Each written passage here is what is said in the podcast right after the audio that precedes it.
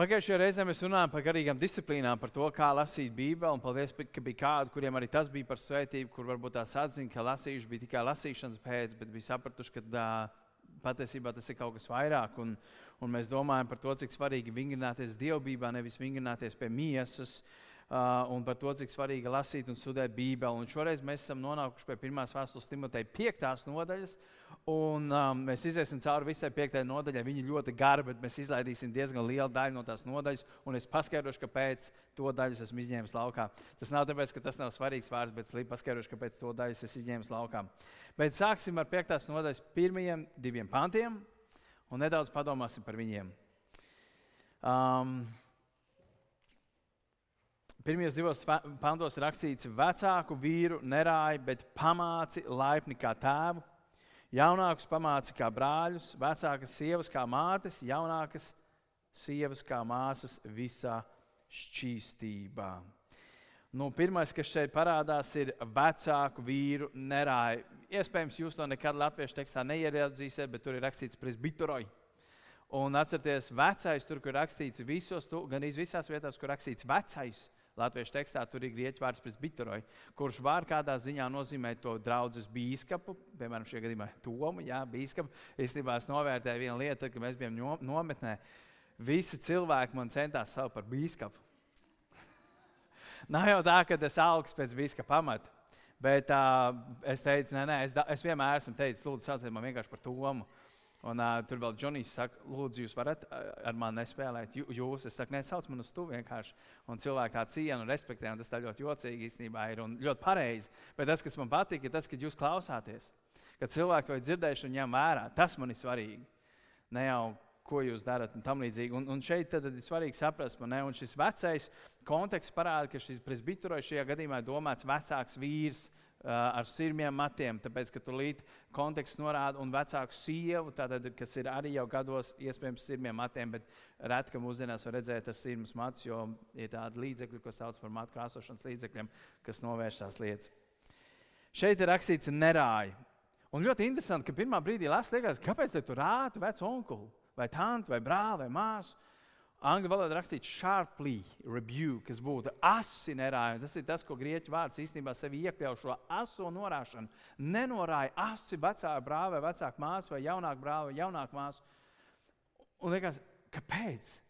Un kontekstā mēs ieraudzīsim pēc tam, kas sakos, tad, kad viņš runās par presbiteriem, to pašu runu iet par grēku. Tad, kad brālis vai māsa, vecāki vai jaunāki ir grēkojuši tajā vietā, lai tie pateiktu, nu, ko tu dari, muļķis, ko tu nesaproti, tu Bībeli neesi lasījis. Nu, ko tu grēko, nu, ko tu dari? Ārprāts. Bībeli saka, to nedari, tā nedari. Tu viņu pamāci kā tēvu, tu viņu pamāci kā brāli, ja tas ir jaunāks. Tur ir jābūt šai mīlestībai. Atcerieties, tad, kad es runāju Es nācos, kur, pats es nācos, kur sērijas tā bija, kur reiz, bet mēs runājam par to vārdu pamācīt. Un, un tur rakstīts, sludināšanas mērķis ir mīlestība, un tur tas pats konteksts bija pamācīšanas mērķis ir mīlestība. Tātad, vai tu pamāci maldu sludinātāju, vai tu pamāci brāli, kurš grēko, tam jānotiek mīlestībā. Un arī šeit nerāja vecā brāli, bet pamāci mīlestībā.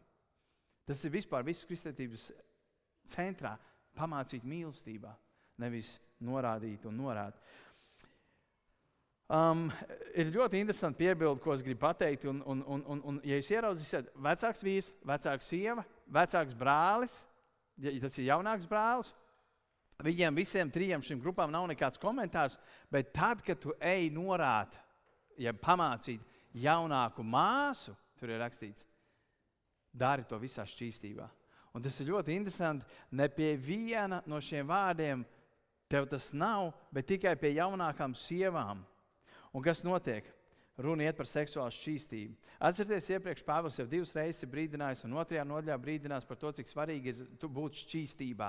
Tieši beigt no porneja grēkiem. Viņš runāja par to šķīstību. Un šeit viņš saka, tad, kad iespējas jaunāk, pie jaunākas māsas un pamācīs darīt to visā šķīstībā.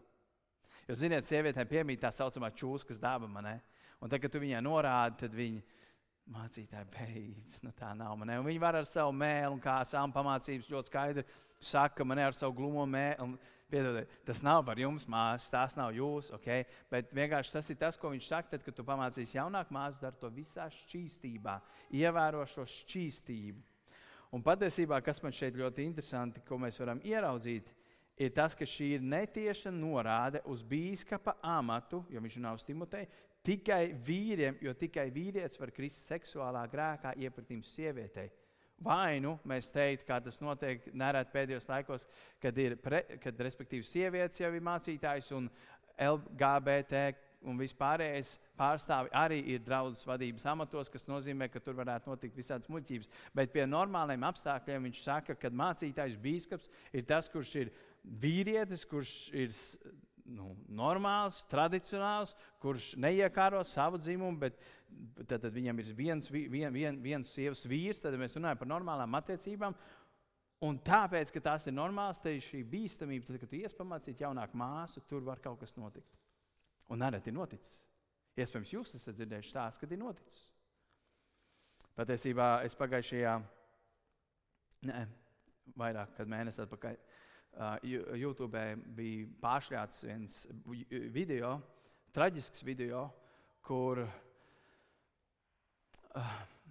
acīm redzot, mācītājiem bija laulības pārkāpšana, kā viņš pats to sauc, bet viņam bija seks viņa kabinetā ar tajā laikā 16 vai 17 gadus jaunu meiteni. Tas viss bija ļoti labi noslēpies vairāk kā 20 gadus, un tad, kad viņa jau bija precējusies, un tagad acīm redzot, tur bija kāda saruna. Viņa teica, es iešu un tu izstāstīšu draugiem. Tad šis mācītājs iznāca un stāstīja par to, ka viņš ir kritis tādā grēkā un tam līdzīgi. Un tas viss nāca gaismā un viss bija ļoti nesmuki. Tas video bija vienkārši man bija, es nezinu, es to video skatījos, man bija kauns, man bija kauns viņa vietā. Un man likās ārprāts, un tur iznāk tas vīrs priekšā, viņi visi nosauca to mācītāju. Un viss tas, kas notika, tam nebūtu tā jānotiek. Un, diemžēl tādas lietas notiek. Bet tas ir tāds kā blakus komentārs. Um, Kas notiek ar jaunākām sievām? Nākošajos pantos, kurus mēs līdz neskatīsimies, bet tur ļoti daudz tiek runāts par atraitnēm, par sievietēm, par vientuļām sievietēm, jaunākām, vecākām sievietēm. Un arī Pāvils veltīs šīm jaunākajām atraitnēm, kurš saka, ka viņas savā pārgalvībā, seksualitātē var kārdināt un censties pavadināt Timoteju bīskapu vai citu bīskapu, kurš norādīs uz grēku. Un tāpēc viņš saka, Pāvils, tāpēc šīm jaunākām atraitnēm tiks dots aicinājums labāk doties laulībā, dzemdēt bērnus, valdīt pār savu nāmu un nedot vietu vēlnam. Un tas ir ļoti interesanti. Tad tur kaut kas ir. Un tas, ko mēs šajā vakarā izlaidīsim, ir no 3. līdz 16. pantam, kur ir pamācība par to, kā draudzē izturēties pret atraitnēm. Atraitni tā, kuri bija precējusies, kuras vīrs ir nomiris vai nosists, vienalga viņš vairs nav, un viņa ir palikusi viena pati. Tā ir atraitne. Iemesls, kāpēc mēs šo daļu izlaidīsim, ir tāpēc, un es, es pat nezinu, es varētu teikt paldies Dievam, tāpēc ka atraitne ir tāda cietēja grupa kurai nav ideālais variants, un viņi cietēja un draudzē par viņām jārūpējas. Paldies Dievam, mūsu draudzē nav neviena patiesa atraitne. Kādas teiksiet, nē, nekādas ir. Bet te ir rakstīts par tām, par kurām draudzēm bija jārūpējas, ir tā, kur ir vecāki par 60 gadiem. Un tad tur ir vēl vesels apraksts. Kā minimums, es zinu, mūsu draugiem šeit nav neviena locekla, kurai ir 60 gadi, varbūt viena, un es zinu, ka viņa nav precējusies. Es nezinu, man bija vienkārši slinkums pārbaudīt, kurš dzimšanas gads viņai ir. Bet katrā ziņā es zinu, ka viņa precējusies. Līdz ar to mums nav neviena atraitne, kurai būtu vairāk par 60 gadiem, vismaz man tā šķiet. Līdz ar to um, es vēl domāju par to, ka mūsu draudzē ir tā, ka mēs esam diezgan jauni draugi. Un paldies Dievam, ka mūsu, mūsu situācija mēs neesam aicināti, jeb tas, kas būs rakstīts no 3. līdz 16. pantam, tas uz mums lielā mērā neatiecās. Ne tāpēc, ka mums nebūtu jārūpējas par citām atvērtēm, kas ir ārpusē, bet es vienkārši domāju, ka tas uz doto brīdi mums nav tik svarīgi. Tāpēc es gribu doties tālāk uz 17. pantu. Jo patiesībā no 3. līdz 16. tur viss ir ļoti skaidri uzrakstīts. Cik gadi ir īstajā atraitnē, cik gadi nav īstajā atraitnē, kādai viņai ir jābūt, kādai viņai nav jābūt. Tur vispār nav ko skaidrot. Tur viss ir ļoti skaidri uzrakstīts. Un, un, un, un, un, un, un tam līdzīgi. Bet es gribu doties tālāk uz 17. pantu, jo viņš savā ziņā sasaistīsies kopā ar pirmiem diviem pantiem, kur bija rakstīts par vecāku vīru nerāju, jaunāku sievu nerāju. Konteksts būs grēks, un mēs par to parunāsim. Viņš ir runājis par četrām grupām, par vecāku vīru, vecākām sievām, jaunāku vīru, jaunākām sievām. Un tagad viņš parunā par vēl vienu grupu, par atraitnēm, un tad viņš dodas uz īpašo grupu, par ko īstenībā ļoti daudz mēs runājām, kas bija saistīts ar mālu mācībām. 17. un 18. pāns. Presbiteri, Tas ir tas presbiteroji, biskupi, tātad lokālās draudzes mācītāji, kas ir labi priekšnieki, kā rakstīts, jeb kas labi valda, kas ir labi vadītāji, lai būtu divkārša goda cienīgi visvairāk tie, kas darbojas sludināšanā un mācībā. Kāpēc? Jo raksti saka, vērsim, kas klonām ir labība, tev nebūs aiziet purnu, un strādnieks ir savas algas cienīgs. Šeit es gribu nedaudz paskaidrot, lai mēs saprotam, šeit ir milzīgas pārprašanas ar šo raksturvietu var notikt. Pirmkārt, šeit ir rakstīts, lai būtu divkārša goda cienīga. Latviešu tekstā divkārša goda cienīga, ok, super. Tātad nu, vietējais mācītājs ir jāciena vairāk un jāpakrāt galvu un jāievēro kaut kāda uzvedības normas viņa klātbūtnē tam līdzīgi. Nu, es nezinu, kā nu katrs no jums to saprot. Bet šeit ir lietots viens grieķu vārds, timē, kuram ir divas nozīmes - gods jeb nauda, gods jeb alga.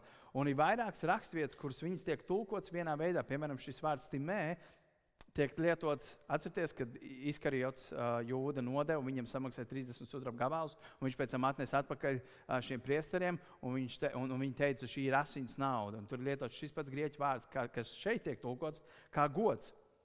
Bet tieši tāpat atcerieties to situāciju, kur Jēzus teica, pravietis netiek mazāk cienīts kā savās mājās. Cienīts, te ir lietots tas pats vārds timē. Tad viņam ir divas nozīmes - gods vai alga un divkārši. Un tāpēc daudzi Bībeles tulkotāji, kā piemēram jau vairāk pieminētais Džons Makārturs, uzskata, ka pareizais tulkojums šeit ir divkārša alga, jeb dubulta alga. Un te ir rakstīts pēc tam 18. pāns bīskapam, lai tur ir rakstīts vērsiņš, kas klonām ir labība, tad nebūs aiziet purmu, purnu. Un es to iztulkošu biskupam, kas daudzē kalpo, te nebūs aiziet finanses, jo biskups ir savas algas cienīgs, jeb dubult goda cienīgs, jeb tam līdzīgi. Mēs tulīt parunāsim par biskupu un par algu nedaudz, bet vispirms es gribu parunāt par kādu modeli. Jūs ieraudzīsiet šeit, ka rādās presbiteri, tātad lokālie gani, un runa iet par Efesas draugu, kurā Pāvils ir atsūtīts, lai viņš ieviestu kārtību un, un, un, un, un, un visas pārējās lietas. Kas ir labi priekšnieki, jeb kas ir labi vadītāji, lai būtu divkārši gods cienīgi. Īpaši tie, kas darbojas sludināšanā. Jūs zinat mūsu sadraudzības draugu Amerikā, Evergreen draugu. Viņiem ir draudzes modelis, kur es gribētu kādu dienu redzēt mūsu draugiem. Viņiem ir vairāk kā 20 apmaksāti darbinieki. Man šķiet, 25 apmaksāti darbinieki. Tur ir, protams, svētdienas skolotāji, vairāk apmaksāti jauniešu kalpotāji, slavētāji un ah, es pat nezinu, viss kaut kas. Un tad viņiem ir kaut kādi 11 mācītāji. Man liekas, ka viens aizgāja pensijā, varbūt palika 10, bet tu pieņem citu. Kāda starpība? 10 plus mācītāji. Ir galvenais mācītājs, kurš bija uzsācis šo draugu, kurš ir Maikls, kurš uzsāka šo draugu. Viņš ir tas, kas es būtu būtībā, jo es uzsāku šo draugu. Tad viņš ir tas galvenais mācītājs, kurš atbild par mācību un par sludināšanu. Pēc tam viņiem ir divi izpildu mācītāji, kas rūpējās par to, lai viņam nebūtu jādomā, kā vadīt finanses, kā vadīt visas organizatoriskās lietas. Tur ir divi mācītāji. Viens no tiem ir Skots, kur jūs ļoti labi pazīstat. Viņš ir mācītāja labā roka, kurš dara visu. Mācītājs tikai iedomājās, viņš visu izpilda. Nopietni tā tur ir. Un mācītājs pasakā, būtu būt forši, ja mums tur būtu tā. Un Skots man teica, viņš saka, un tad, kad es sadzirdu, ka mācītājs saka, būt forši, es domāju, kā mēs to varētu dabūt gatavu. Un tad otrs ir vairāk par finansēm. Tad mums ir misijas mācītājs, kurš atbild par misijas darbu. Tad mums ir mācekļošanas mācītājs, kurš atbild par māceklību draudzē, par mājas grupām draudzē, par to, lai visi iet cauri mācekļu kursiem. Tad mums ir jauniešu mācītājs, tad mums ir vor, uh, tad šis um, slavēšanas mācītājs. Nu, visādi veidi mācītāji, viņiem tas nosaukums ir tam līdzīgi. Bet kas man tajā modelī patīk un kāpēc šeit rakstīts, ka ir vairāk biskupi, bet ar dubultu godu ir tie, kuri darbojās mācībā, kas māca to mācību draudzē, kas atbild par to mācību. Bet kas man šajā modelī patīk, ir tas, kas Latvijā bieži vien nedarbojās, ka mums ir tāda saprata, un es gribu par to runāt un mācīt, lai tad, kad mūsu draudzē būs, jo es zinu, ka jūs visi esat redzējuši, jums ir savs priekšstats par kādu, kādai ir jābūt draudzēji. Es gribētu, ka mums kādiem būtu 4, 5, 6 un 7 mācītāji. Bet tas nenozīmē, ka visi mācītāji, ja mums būs, viņi stāvēs priekšā uz mājām. Katru svētdienu viens runās, otrs svētdienu, tas otro daļu, tas trešo daļu, tas ceturto daļu, uz piekto gadu. Ah, tagad jāgaida 6 nedēļas līdz tas runās, jo tas man baigi patīk. Tā nekad mūsu draudzē nenotiks. Pat ja būs divi mācītāji, viņi nedalīs uz pusēm. Būs viens mācītājs, kurš atbildēs par mācību un sludināšanu, bet būs otrs mācītājs, kuram ir citas dāvanas. Un ir ļoti svarīgi, ka draudzē ir mācītāji ar dažādām dāvanām. Viens ir varbūt labs šeit, bet viņš nav labs šeit, bet tas otrs ir labs šeit. Un tādā veidā visa draudzene ir ieguvēja. Un tas ir tas, ko es esmu ieraudzījis tajā modelī, kad katrs mācītājs darbojas tajā sfērā, kur viņš ir labs. Un, um, un šeit tagad es gribu parunāt par tām finansēm. Un kāpēc vispār? es domāju, man to teikt vai to neteikt? Jo es pateikšu, godīgi, es daudz labprātāk gribētu, ka kāds no uzticamiem brāļiem pieceltos un teikt, klausieties, mums vajadzēja parunāt par to algu, un to algu ir tāda, un tad mēs te varētu runāt. Un drausmīgi grūti man pašam par to runāt, bet par cik es esmu studinošais mācītājs, un es esmu nonācis pie raksturvietas, kur man ir jārunā par šo lietu, man tas ir jāstāsta. Un es domāju, ko es gribu par to teikt. Um, mācītājs ir savs algas cienīgs. Es esmu dzirdējis, ka um, ir cilvēki, kur uzskata, ka nu, nu, mācītājiem jādzīvo diezgan knapi, un viņam tur jābūt vienā no zemākajiem slāņiem, lai viņš varētu saprast tos. Tad ir citas mācības, kuras uzskata, ka mācītājiem jāpiebrauc ar Bentley un, un, un paklājas jāizkarina līdz viņš atnāk līdz baznīcai. Ir ļoti daudz dažādas sapratnes par to, cik bagātam tad ir jābūt mācītājiem. Un, bet es pateikšu, ko es gribētu redzēt mūsu draudzē. Te ir rakstīts, ka strādnieks ir savs algas cienīgs un vērsim, kas klonā mīl, mīl, min labību, tev nebūs aiziet pūrni. Norvēģijā ļoti izplatīts tas, ka mācītājiem ir obligāti jābūt vēl kādā citā darbā. Lai viņš strādātu vienu darbu kaut kur pasaulē, un tad viņš otru darbu darītu draudzē. Modeļi ir ļoti daudz un dažādi. Bet ko es gribētu mūsu draudzē? Es ticu, ka mēs augot lielākiem, un mēs esam uz robežas, kad mums vajadzētu drīz jau ņemt, varbūt vēl kādu mācītāju, un vienalga, ko tas vārds ņemt nozīmē. Es gribētu, ka mūsu draudzē būtu tā, ka tad, kad mums būs vairāk biskupi, presbiteroji, episkopoji, vienalga kādas vārdas gribat runāt, tad, kad mūsu draudzē būtu biskupi, es gribētu, lai mūsu draudzē par viņiem mēs kā draugi labi parūpētos. Jūs varbūt to domājat, jā, tu to saki, tāpēc, ka tev tas ir izdevīgi. Nē, es to saku, tāpēc, ka tas ir tas, ko Dieva vārds saka. Un es gribētu, lai mūsu draudzē būtu tā, jo es zinu, ko nozīmē sākt ar ļoti maz. Tad, kad mēs sākām šo draugu, es nezinu, kā mēs izdzīvojām. Matemātiski man nav ne jausmas, kā mēs izdzīvojām. Jo mūsu kolēģi dažreiz pat nebija 50 eiro. Svētdienā mēs nevarējām savest, jo mēs bijām reāli mazi. Un tad bija reizes, man, kad iepriekšējais priekšnieks bija teicis, nu, to mēs tev dosim simtu nedēļā, vismaz lai jūs varat izdzīvot. Un tad citreiz viņš saka, tom 60 eiro, šodien tikai 90 eiro, saka, niedod 50 vismaz. Kā mēs izdevām, es nezinu. Bet es gribētu, lai tie, kas nāks pēc tam un pievienosies, lai mācītājiem nebūtu jādomā par finansēm. Un viena lieta pateikšu, kāpēc. Tāpēc, ka tas ir ārkārtīgi grūti, ka tev ir jākalpo un jādomā vēl par finansēm. Tas ir bijis ļoti, ļoti liels apgrūtinājums. Bet tajā pašā laikā tā ir bijusi milzīga mācība. Un tas ir mācījis paļauties uz Dievu grūtos laikos. Tāpēc, ka mācītājiem ir jābūt tam, kurš ir piemērs vārdos, atcerieties, mēs runājam pagājušajā reizē, dzīvē, ticībā, šķīstībā, mīlestībā. Un mācītājiem ir jāaiziet cauri. Bet es gribētu redzēt to, ka mēs kā draugi būtu dāsni draugi, kas var labi parūpēties par saviem biskupiem. Un tad, kad mēs būsim kādu reizi, kad man blakus stāvēs kāds brālis, kur mēs aicināsim, lai viņš kļūst mūsu draudzē par biskupu, es teikšu, aiziet un noklausieties 26. jūnija svētkrunu 2022. gadā. Atcerieties, ko toreiz teicu? Jā, jā, jā pareizi, Toms toreiz te teica. Redziet, tas ir tas, kāpēc mēs darīsim to un to. Un es domāju, ka jums ar to nav problēmas. Es vienkārši gribu par to runāt un pieminēt, mācīt šajā brīdī, lai mēs kā draugi, ka mēs līdz tam nonāksim, mēs būtu tajā vietā. Um, Es kādreiz jau stāstīju, man šķiet, to, bet tad, kad tika veikta aptauja, tad mācītāja darbs tika atzīts par trešo grūtāko darbu pasaulē. Es neatceros, kas bija priekšā, bet tas bija kaut kāds milzīgi tūkstošu firmas uzņēmumu vadītāji. Mācītāja darbs ir grūts tieši no tā iemesla dēļ, ka, ja tu esi firmas vadītājs, tu vari ar finansēm vai nu piespiest kādu strādāt, vai tieši otrādi atlaist, bet būsim godīgi, mēs izņemot mani, pārsvarā jūs visi esat brīvprātīgie kas kalpojat ar savu brīvo laiku, kas kalpojat ar savu talantu, kas kalpojat ar to, ko Dievs jums ir devis. Un jūs to vienkārši vienā dienā varat, kā saka, pacelt cepuri, aiziet projām. Un es nevaru pateikt, es tev atlaidīšu. Jā, tie neko nes pieņemts, tu to dari Dievam par godu. Un, un, un tas ir tas, un kāpēc tieši tiek uzsvērts šīs sludināšanas un mācības mācītājs, kurš ir dubulta goda, jeb dubulta algas cienīgs, ir tāpēc, ka es jums pateikšu godīgi, es jau pāris nedēļas jums gribu nofilmēt, jo man kāda. Vienkārši es esmu kādā akadēmijā iestājies, un viņi teica, tas būtu rītīgi forši, ja draugs varētu redzēt, kā mācīties gatavos vētrunas. Un es biju domājis, nofilmēt, bet es laikā aizmirstu. Bet es nofilmēšu un parādīšu. Tas ir ļoti grūts darbs patiesībā. Un es to nesaku, lai sūdzētos. Es, man tas ļoti patīk patiesībā. Es priecājos darīt to, ko es daru. Bet tas ir grūts darbs no tāda viedokļa, ka tev jāizlasa vairāk tulkojumu, tev jāizlasa angļu teksts, tev jāizlasa grieķu teksts. Tad tev jāmēģina saprast, kurš tad ir tas pareizais tulkojums latviešu valodā. Jaunais, vecais vai glīka, vai neviens no viņiem jāuztais savs tulkojums. Un tad pa, pa, ieraudzīt kontekstā, kas ir tas, ko Pāvils centās Timotejam pateikt, un kas, ko tas nozīmē tam laikam, un ko tas nozīmē priekš mums šodien. Un iemesls, kāpēc mēs ejam cauri šādā veidā, studējot eksegēzes veidā Bībeli, ir tāpēc, lai jūs iemācītos lasīt viņu priekš sevis. Lai tad, kad jūs ieraudzītu mālu mācītāju, kurš pēkšņi paņem vienu raksturvietu no konteksta, tev ārpus konteksta, tev būtu tāds, ej, bet, bet konteksts jau pavisam cits. Jums pašiem ir jāiemācās lietot Bībeli, lietot Dieva vārdu, lai tu nebūtu vienkārši šitā tena pirksta aptinams. Un tas ir tas, kāpēc mēs tam ejam cauri.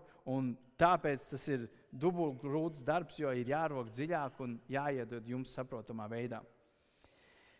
19. un 20. pāns ir rakstīts, pret presbiteru nepieņem sūdzību bez diviem vai trim lieciniekiem. Tiem, kas grēko, ir rakstīts, bet un, un man pēdiņās patīk jaunais tulkojums, kur rakstīts, tie, kas sagrēko nu, sanāca sagrēkot. Tas ir tāds, man liekas, tas vārds sagrēkot, viņš paņem no stūra nopietnību bādam grēkus. Tie, kas sagrēko, bet šeit runa iet par biskupiem. Un ornālā valodā tur ir rakstīts, kas turpina grēkot. Tad tiem, kas turpina dzīvot grēkā, pierāda viņu vainu visiem klāt esot, lai arī citiem būtu bailes. Šī ļoti nopietna lieta. Šis nedaudz ies kopā ar tiem pirmiem diviem pantiem, kur mēs runājam par to, ka vecāki vīri nerāja, bet pamāca kā brāli. Tieši tāpat tās vecāka sieva, jaunāka māsa un, un, un, un, un, un jaunāka brāli. Pāvils māca to, ka grēks draudzē ir jāuzrāda. Tad, kad brālis ir grēkojis, tas grēks ir jāuzrāda. Vai tas būtu vecāks vīrs, vai tas būtu jaunāks vīrs, vai tā būtu vecāka sieva, vai tā būtu jaunāka sieva. Un 17, 18, 19, 20 pants Arī ja tas ir presbiteris, kurš ir grēkojis, grēks ir jāuzrāda. Protams, šajā gadījumā tas nevar būt tā, viena tā teica, ka viņš tur zina darīt to un to. Te ir rakstīts, sūdzību nepieņem bez diviem vai trīs lieciniekiem. Ir vajadzīgi liecinieki. Bet šis ir tas pats princips, ko Jēzus mācīja, kas ir rakstīts Mateja evaņģēlijā, 18. nodaļā. Mēs apskatīsimies, jūs visi to ziniet, bet maz, kad viņš tiek praktizēts. Tieši tas pats princips viņš bija vecā derībā, Jēzus to mācīja un Pāvils to māca tagad Timotejam. Ap 18. nodaļā Mateja evanģēlijā no 15. līdz 17. pantam ir rakstīts, ja tavs brālis grēko, tad noej un pamāci viņu zem četrām acīm. Ja, kad viņš tev klausa, tad tu savu brāli mantoji. Okay, tur ir ļoti vienkārši. Tie ierauga grēku, tu saki, ej, klausies, vecītis, redzēji, tu vakar atkal. Nu, Akal es redzēju, tu biji viskiju paņēmis, nācis mājās no Maksimas. Nu, kas notiek? Klausies, jau beidz. Nu, šī jau ir trešā reize, kad tev redz, nākam mājās ar pudeli. Un skaidrs, ka tas nav vienkārši kaut kāds sāliņš, ko tu tur pasūti un tam līdzīgi. Tas ir nopietni, tu piedzeries. Nu, nu, piemēram, es tikai piemēru pēc saku. Ja viņš saka, jā, pareizi, brāl, taisnība, labi, es to nedrīkst. Super, ok, tu viņus mantojies. Un ja viņš neklaus, tad pieaicina vēl vienu vai divus lai no divu vai trīs liecinieku mutes katrs vārds tiek apstiprināts. Tad nākamais solis ir, ka tu aicini vēl kādam. Tu saki, ej, klausies, ir tāda, tāda problēma, ejam un sakam to brāli. Un 17. pāns, un ja viņš tiem neklausa, tad saki to visai draudzē, un ja viņš arī draudzē neklausa, tad tur viņa pa pagānu muitnē. Citiem vārdiem sakot, tad, nu, tad ir viss. Nu, tad viņš ir būtībā mēs pret viņu izturamies kā pret neticīgu cilvēku.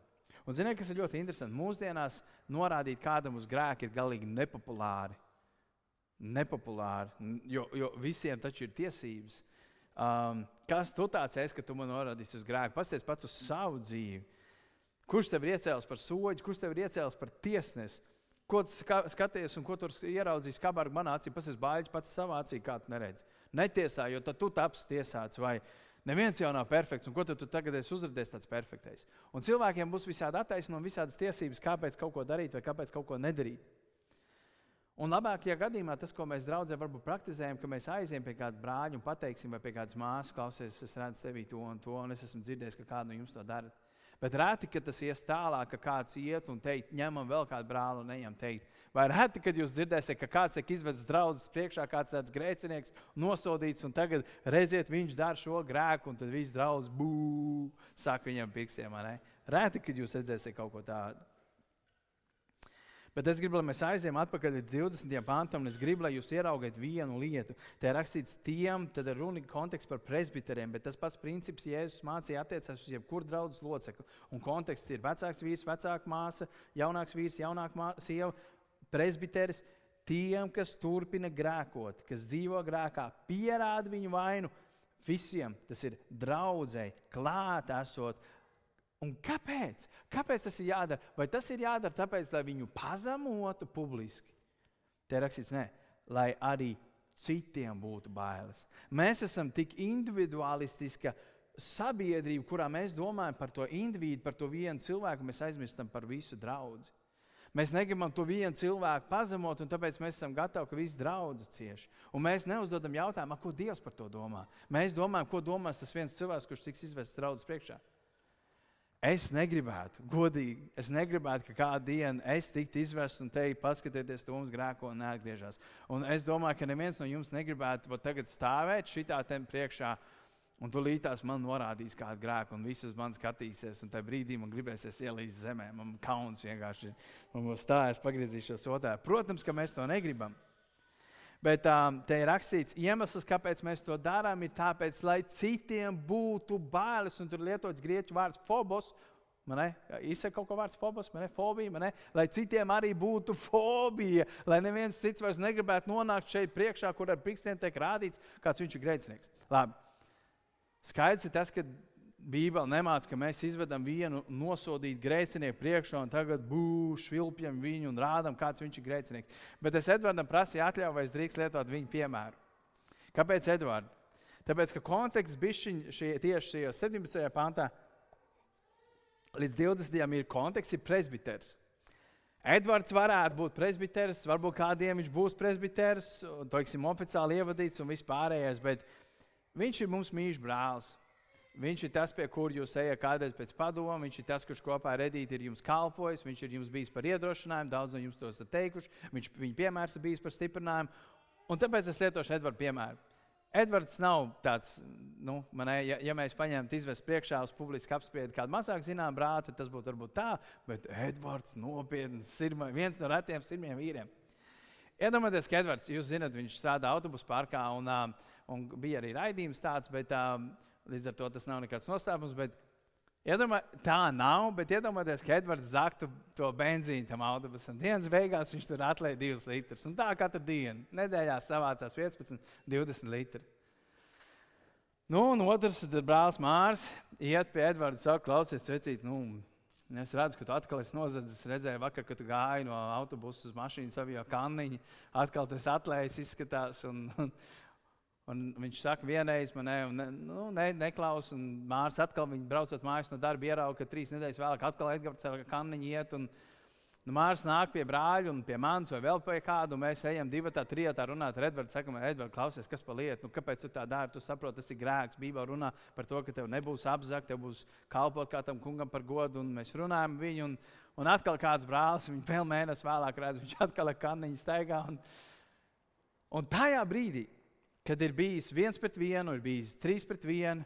Nākošais, tas, kas mums būtu jādara, un eh, mēs tagad pasākam, mēs sakām, Edvards nāc priekšā, un Edvards iznāk priekšā. Mēs sakām, nu, brāļi, māsas, mīļā draugs, klausieties.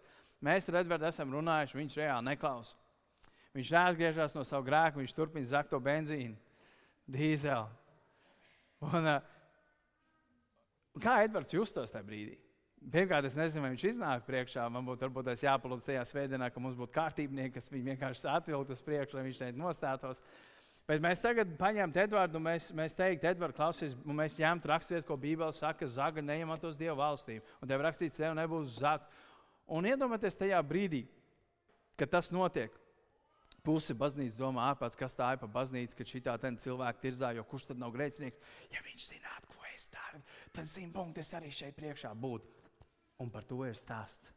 Tieši par to momentu ir stāsts. Ka tajā brīdī, tad, jo skaidrs ir tas, ka Edīte no kalna būtu zemē ielīdusi, un Elīze ar šeit nebūtu redzama, un, un, kā, un, un kādi iespējams apvainotos uz mani un teikt, tāpēc, kas, kāds toms mācītājs. Kā viņam vispār nav kauna kaut ko tādu darīt, pazemot mūsu mīļo brāli. Bet, ziniet, tas parāda to, cik sautīgi mēs esam un cik nebībeliski mēs esam. Tajā brīdī, ziniet, kam būtu jānotiek, kad mēs ieraudzītu Edvardu, te ir rakstīts, lai citiem būtu bailes. Lai citi, kas šeit sēdētu, lai jūs šeit sēdētu un izvērtētu tajā gaismā savu dzīvi, domātu, bet es arī tie būciņas mājās no darba.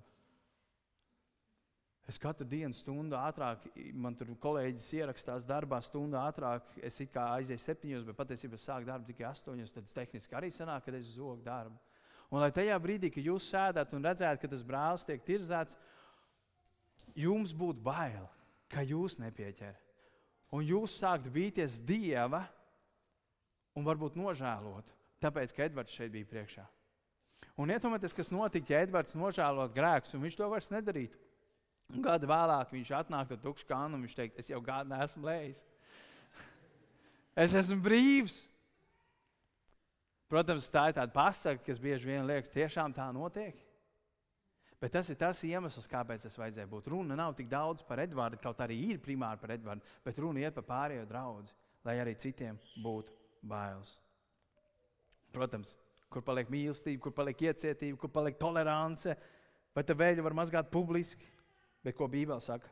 Lai citiem, lai draudzē būtu bailes. Un šīs dievišķās bailes iespējams piebremzētu tavu dzīvi, ka tu nedzīvotu grēkā, varbūt tās atteiktos no grēka. Viņš netika publiski mazgāts, bet pateicos cita drēbēm, tu ieraudzītu savus netīrās, smidīgās zeķes un izdomātu viņus izmest laukā. Tas ir iemesls. Un parunāsim nedaudz par bailēm. No kā tev ir vairāk bail? Kad publiski tu tiktu pazemots cilvēku priekšā, tāpēc, ka tu esi grēkojis, vai tomēr, ka Dievs tevi redz? Mēs bieži vien domājam, kā es justos cilvēku priekšā, ja es tiktu mazgāts, bet Dievs jau to redz. Tas tikai parāda to, ka mēs vairāk bīstamies cilvēku, nekā mēs bīstamies Dievu. Un mēs domājam par to, kā jutīsies tas cilvēks, nevis par to, kā jau jūtas Dievs. Mēs varam piemānīt mācītāju, vietējo biskupu, mēs varam piemānīt draugus, mēs varam piemānīt savu ģimeni un varbūt pat pašu sevi, bet ne jau Dievu. Un tas ir tas, kāpēc grēks ir bīstams izvērtēt tajā gaismā, kas varbūt manā dzīvē nav pareizi. 51. psalmā,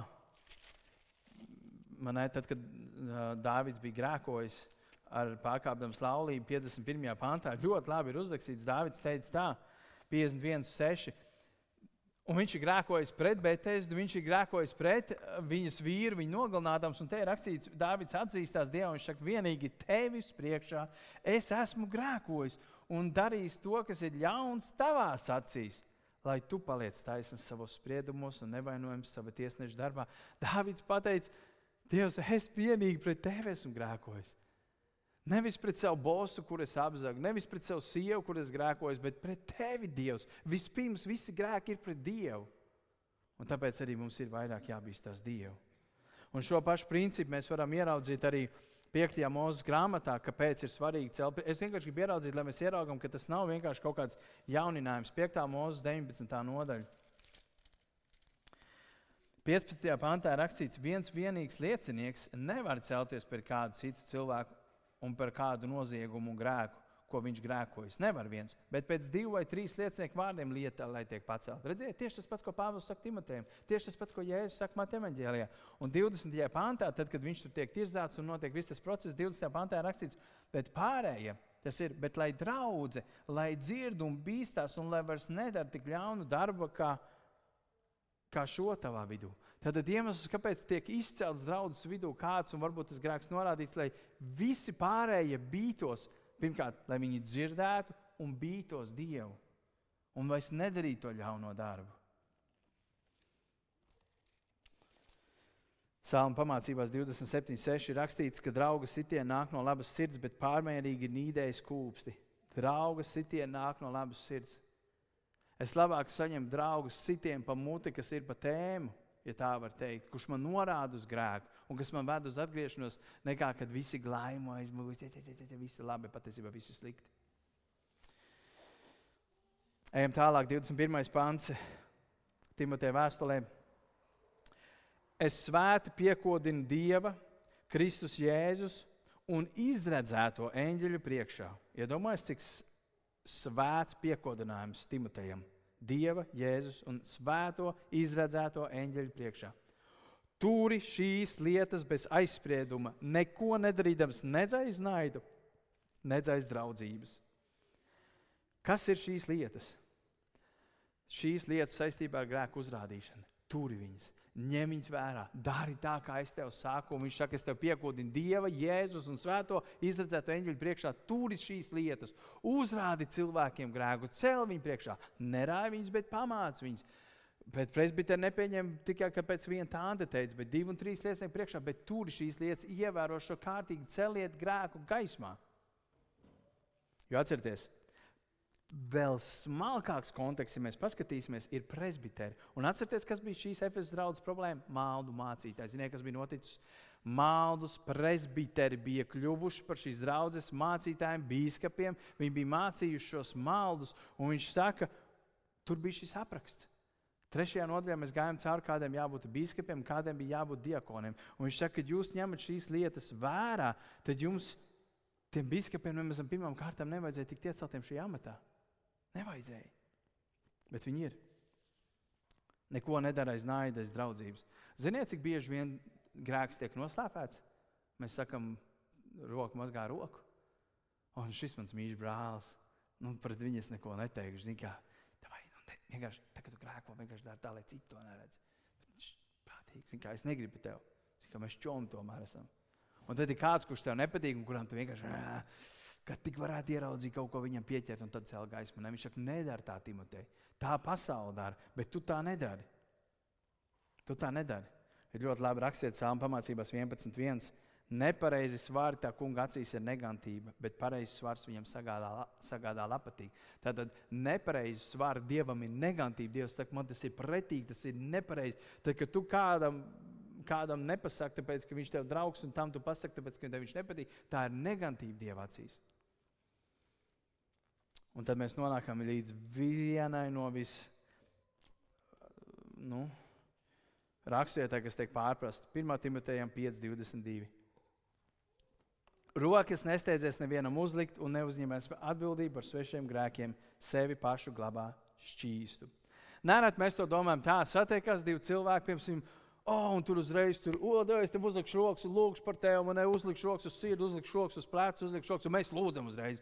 Un tad kāds saka, zini, kā, tomēr tā nevar darīt, zini, kā, tu jau nezini, kas viņš tāds ir un tam līdzīgi, tāpēc tā prātīgi tām roku uzlikšanām. Bet konteksts ir pilnīgi cits. Absolūti cits konteksts šeit ir. Atcerieties, Problēma bija tā, ka Efesas draudzē bija kāda ievadīta pārāk agri kalpošanā. Bija uzlikts rokas, iespējams, viņi bija ievadīti kalpošanā, nebija pārbaudīti. Iespējams, viņi bija mali mācītāji, bet nebija pārbaudīti. Nebija ņemt vērā šī pārbauda, un tā viņi nonākuši līdz tam, kad par biskupiem bija kļuvuši cilvēki, kuriem nedrīkstēja nemaz būt par biskupiem. Un Pāvils tagad saka, tad, kad tu nākošais gribēsi ievadīt kādu par biskupu, nesteidzies viņiem uzlikt rokas. Jo atcerieties, iepriekšējā nodaļā Timotejam 4.14 rakstīts, ka Nenicini Timotei dāmam, kas ir tevī, kas tev tika dota ar praviešu vārdiem. Toreiz, kad presbiteri tev uzlika rokas, toreiz, kad presbiteri tev uzlika rokas, un tu kļuvi par vienu no presbiteriem, par biskupiem, lokālās draudzes mācītājiem, nesteidzies tagad uzlikt rokas. Nesteidzies uzlikt rokas.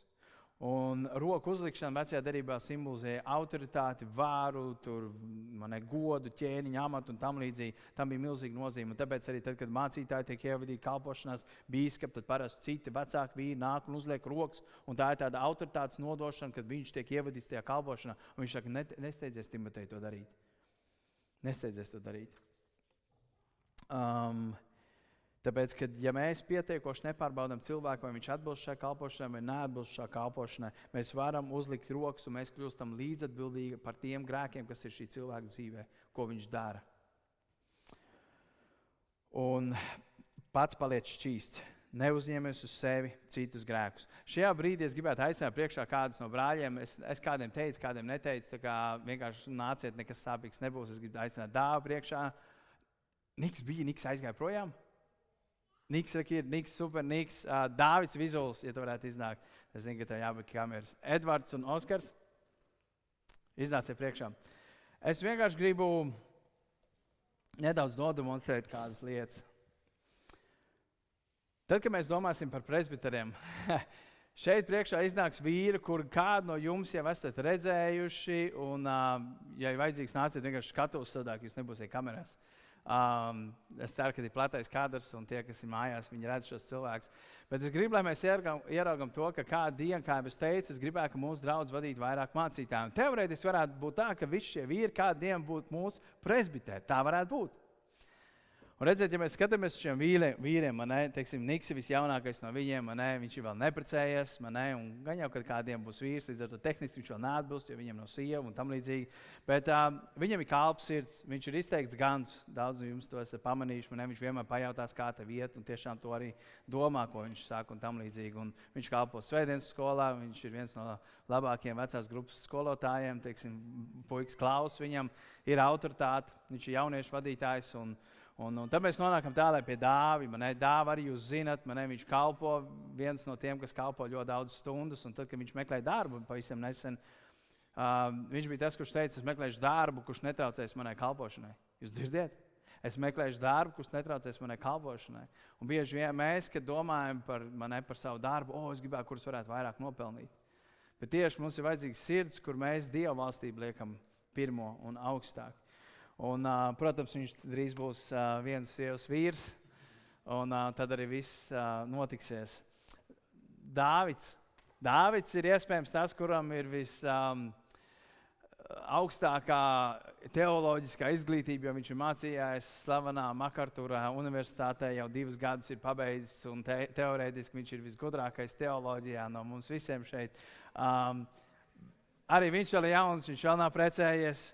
Bet uh, viņam ir potenciāls. Viņam ir potenciāls kādiem būt arī lokālajam biskupam. Uh, tad mēs nonākam pie Oskara. Arī pussimts vīrs, uh, kurš ir daudziem bijis par piemēru, daudziem bijis par svētību. Viņš ir mūsu draugs lūgšanas komandā, un viņš zina daudz, daudz ko par jums, ko jūs nezināt paši. Mēs lūdzam par jums daudz. Un Oskars ir tas, kurš ar ģimeni ir izaudzinājuši. Es neiešu teikt, cik, bet ļoti daudz bērnu no bērnām. Viņi būtībā, kā ģimene, rūpējas par to, ko Bībele sauc par visvētāko un visaugstāko kalpošanu. Rūpēties par bērniem un bāriņiem. Un arī šajā brīdī pie viņiem ģimene dzīvo daži bērni. Un, un, un Edvards, Edvards, kuram patīk runāt par airēm, kaut gan viņš brauc ar autobusu, nezinu, kāda ir saistība. Varbūt kādreiz kāds ar airi centies tikt iekšā autobusā, nezinu. Bet uh, uzvārds viņiem ir Ozols, un vārds tiešām nozīmē rīktīgs Ozols, balss kā Ozolam. Un, un um, arī viņš ir izteikts gans. Izteikts gans, kurš rūpējās, un vienmēr, kas man vienmēr likās ļoti interesanti, ka viņš ir vecāks vīrs, bet viņam rūp arī jaunieši kas ir ļoti neraksturīgi vecākiem vīriem, bet viņiem tieši rūp ne tikai jaunieši, bet viņš ir tas, pie kura daudz no jums esat gājuši arī vīri un pie viņu nedīts pēc, pēc kādas palīdzības un kādām lietām. Un, Un, un, protams, viņi tie, kur bija gatavi atstāt savu dzimto pilsētu Liepāju pēc simts gadiem pavadītiem un doties uz tālo Daugaupili, uz otru Latvijas gālu, tur, kur pirmā, pirmā valoda, Krieva valoda.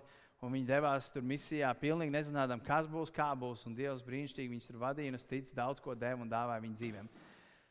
Es šajā brīdī varu palūgt jums doties atpakaļ savās vietās. Es vienkārši kāpēc es gribēju viņus izsaukt priekšā un parādīt, jo es līdz kaut ko jums pateikšu. Es izsaucu priekšā vietējos puišus no mūsu, mūsu pašu draugas, kurus jūs zinat, kurus jūs pazīstat, par kuriem jūs varat kaut ko katrs pateikt. O, jā, es zinu, viņam ir tāda īpašība, viņš ir labs tur, viņš ir labs tur, viņš ir labs tur. Kādus divus gadus atpakaļ man ar mūsu draugu komandu Jāni, Vizulu un Filipu Bāmu mums bija saruna. Mēs toreiz domājām par to, vai, vai nebūtu tā, ka mēs varētu kādu dienu ņemt darbā atmaksātus darbiniekus. Un Filips pateica ļoti labu lietu. Viņš teica, es atbalstu, bet pie nosacījuma, ja mēs nemeklējam no āras, bet mēs no paša vidus ceļās tie cilvēki. Un tajā brīdī tā likās, jā, ļoti laba doma un, un loģiska doma. Un es teicu, jā, pareizi. Bet tad, kad es gatavoju šo svētdienu, es ieraudzīju, ka tā ir vienīgā bībeliskā doma. Vienīgā. Tāpēc, kad, tad, kad mēs aicināsim, nu, es Toms esmu pamanījis, ka tur Rīgā ir viens tāds Pēters Auziņš, kurš ir nenamās nāzis, baigais džeks, viņš tā strādā ar jauniešiem, un viņš māk sludināt, un viņš ir gatavs strādāt 90 stundas nedēļā, un viņam nevajag nekādu algu maksāt, baigi labais. Ņemsim? Jā, ņemam. Viņš atnāk un harizma ir un viss notiek. Tas tā ir viena versija, bet mēs viņu nepazīstam. Un bija kāds stāsts par to, ka draudzē bija jāizvēlās nākošais mācītājs. Viņiem bija divas kandidatūras. Un viens bija nu, rīktīgi tieši tāds, kādas tikko no, no, no, no, noraksturoju. Jaudīgs, harizmātisks, un, un, un, un draugs saka, jā, šis tas, kas mums ir vajadzīgs. Un otrs kandidāts bija tāds, kurš bija klusāks, nebija tā harizma. Grūti pateikt, vai tas ir īsti priekš mums vai nav priekš mums, bet viņam bija raksturs. Viņš atbild Bībeles pēc visām tām lietām, bet tomēr draugs izvēlējās ņemt to pirmo harizmātisko. Pusgadu vēlāk notika laulības pārkāpšana, ģimene izjuka un viņi pazaudēja šo mācītāju. Un dažreiz ir tā, ka no ārpuses skatoties, mums liekas, nu, tik labs džeks. Mēs paskatīsimies par kādu mācītāju YouTube, nu, un šajā gadījumā mēs gribētu kādu mācītāju. Mēs varētu, varbūt tas jums būtu tā, nu, ja mēs varētu to mācītāju paņemt kā tomam, lai kopā ar tomu kalpam, tādu vispār mūsu draugu rulētu. Bet ko tu zini par viņu? To, ka viņš labi izskatās aiz YouTube kameras, to, ka viņš varbūt stilīgi ģērbjās, vai to, ka viņš varbūt ir pilnīgi pretējs Tomam, tas ir viss, ko tu zini. Bet tu nezini, vai viņš atbilst pēc trešās nodaļas visiem šiem rakstura īpatnībām. Bet šie brāļi, kurus es tikko izvedu priekšā, es teicu, viņiem visiem ir potenciāls būt kādiem. Tie ir tie brāļi, par kuriem jūs zināt un varat dot liecību. Un tie ir tie, par kuriem mēs varam teikt, viņi ir mūsu draugi, diakoni, kalpotāji. Un kas bija rakstīts par kalpotājiem? Lai viņi kalpo Un, ja viņi ir labi kalpojuši, tad viņus var ievadīt tajā kalpošanā. Un tas ir tas, ko es gribētu redzēt, ka kādu dienu, tieši tāpat kā tikko mēs izvedām priekšā šos piecus vīrus, varbūt kāds no viņiem, vai varbūt kāds cits, kādu dienu stāvā priekšā, un es varbūt kopā kādu varētu uzlikt rokas un ievadīt presbiteru kalpošanā. Un kāpēc es saku, un liekas, kāda jēga man no tā dzirdēt, ko tu gribi darīt ar nākamajiem mācītājiem? Lai jūs zinat, kā tas bībeliski notiek. Jums ir jāzina, kā Bībele to māca. Jūs zināt, daudz mācītājs, piemēram, Marks Driskols, kurš dibināja Marks Church, kas bija draugs, kas bija iespējams man šķiet tajā laikā lielākā Amerikas draugs. Ziniet, kas ir interesanti? Viņš pats nodibināja vienu no jaudīgākajām draudzēm Amerikā. Viņš pats tika atlaists pēc nācos 20 gadiem, vai cik pašu atlaist no paša draudzes. Tas būtu tāpat, ka jūs man atlaist no manas veidotās draudzes, liekas jocīgi, bet viņa raksturs bija ārpus jebkādām Bībeles normām. Viņš neatbild tiem raksturojumiem. Un viņi teica, piedod, bet vienkārši tava uzvedība, tavs, tavs, tavs viss stils, tas vienkārši nav bīblisks, un tev ir jāiet projām no draudzes. Uh, un tad, protams, uh, vēl cits draugs, Kārlis Lens, Brians Hjūstons, kas ir Hilsonga mācītājs Ņujorkā un galvenais arī Houston, um, Hilsonga draugs dibinātājs. Arī viņš tika atlaists par seksuālām, seksuālām grēkiem, un viņš aizgāja projām no amata. Viņš tika atlaists. Tas ir tas, kā bieži vien šie cilvēki izkrīt cauri. Uh, Un tad es gribu noslēgt ar 24. un 25. pāntu, un jūs sakat, kāpēc izlaidu to vissvarīgāko pāntu, par kuru es gribētu dzirdēt, par to alkohola dzeršanu, kāpēc viņi izlaiž, bet tā mēs atgriezīsimies pašā beigās. Nē, es patiesībā tagad viņu varu pateikt. Daudz Bībeles tūkotāji saka, ka 23. pāns, kur rakstīts, kur viņš palika, nedzer vai ūdeni Timotē, bet lieto mazliet vīnu savu kūņu un savas biežās neveselības dēļ. Daudz cilvēku saka, ka tas ir ne pa tēmu iesprāstīts. Vienkārši viņam būtu jābūt iekavās, ka viņš vienkārši tāpat ielikts klāt. Un daudz cilvēku šo raksturvietu lieto, lai varētu pateikt, nu, redz, Timotejam arī teica, nelieto ūdeni, tāpēc es arī varu lietot. Un tad mēs dzeram uz pilnu laimi un uz nelaimi. Tas nav tas, ko tas nozīmē. Viena no versijām, kas man īstenībā ļoti patīk, bet varbūt tā nav, es nezinu, man patīk, tāpēc, man vīns negaršo. Ir tāpēc, ka tā, tajā laikā ūdens nebija tāds, kā mūsu. Mēs piegājām pie vendena aparāta un ielīja tīrs ūdentiņš un mēs padzērāmies. Tajā laikā viņš bija pilns ar baktērijām, pilns ar visādām slimībām. Un tāpēc dažreiz uzdzert vīnu virsū bija tas, kas varēja palīdzēt varbūt tai kuņģim strādāt labāk. Bet vēl viena versija, grieķu valodā ir divi grieķu vārdi. Viens ir um, uh, gleukos, ļoti līdzīgs glikozei, kas ir sāla vīnogu sula, un otrs ir oinas, kas nozīmē vīns. Uh, bet tas nav pateikts uh, sarūdas vīns vai bezgrādiem vīns. Bet šeit ir lietots vārds oinas, kas nozīmē varētu būt gan, gan. Uh, Līdz ar to, ja tu gribi lietot šo rakstītu, lai teiktu, ka tu vari lietot alkoholu, nu tā gluži nav. Un gribu noslēgt ar pēdējiem diviem pantiem, 24, 25. Dažu cilvēku grēki ir visiem zinām un iet viņiem pa priekšu tiesā, bet citiem grēki arī vēl seko. Tāpat arī labie darbi ir visiem zināmi, un kur tas tā vēl nav, tur tie nevar palikt apslēpti. Presbiteru, vecāku vīru vai vecāku sievu, jaunāku vīru vai jaunāku sievu viņu grēku, un īpaši presbiteru grēku. Dažreiz viņi jau ir celti priekšā, viņi iet viņiem pa priekšu un seko no muguras. Un tā iemesla dēļ tu ne, ne, neuzliec viņiem rokas pārāk, jo viņu grēku viņiem seko vai staigā pa priekšu. Un tieši tāpat tās arī labie darbi. Un īpaši tas attiecas uz mūsu cilvēkiem, kur, kur, kur tikko iznāca priekšā. Viņa labie darbi mums visiem ir zināmi. Viņi iet pa priekšu. Tad, kad jūs dzirdat vārdu dāvis, jūs saprotat, o, oh, jā, tas ir slavētājs un tas tur pie vārdiem un viss pārējais lietas. Jūs dzirdat vārdu niks, jūs saprotat, o, oh, jā, tas ir jauniešu, jauniešu vadītājs un tam līdzīgi.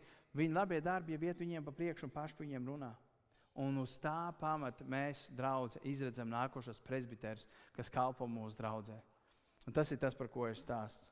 Līdz ar to noslēgumā, savalkot visu kopā, ko mēs šajā vakarā esam skatījušies saistībā ar grēku ir svarīgi, ka mēs grēku ceļam gaismā.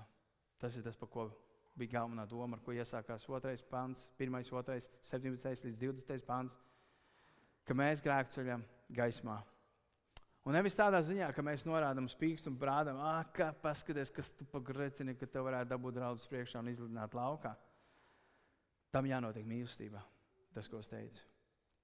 Un mūsu veidam jābūt tādam, ka mēs meklējam veidu, kā veikt komunikāciju, lai šo brāli atgrieztu atpakaļ pie Dieva. Nevis tieši otrādi, lai izsviestu laukā, varētu izturēties kā pret pēdējo pagānu un nenāc tev aiz atpakaļ, lai mēs tev to neredzētu. Un viņš aiziet garām, puh, projām. Ej. Tas nav tas, ko Bībelē māca. Un tomēr tas ir tas, kā mēs bieži vien rīkojamies, un kā kādu no jums esat sajutušies, ka pret jums tā rīkojas. Bībelē māca, ka mums jāizturās pret viņu kā pret pagānu, pēc tam ir rakstīts. Un kā tas ir?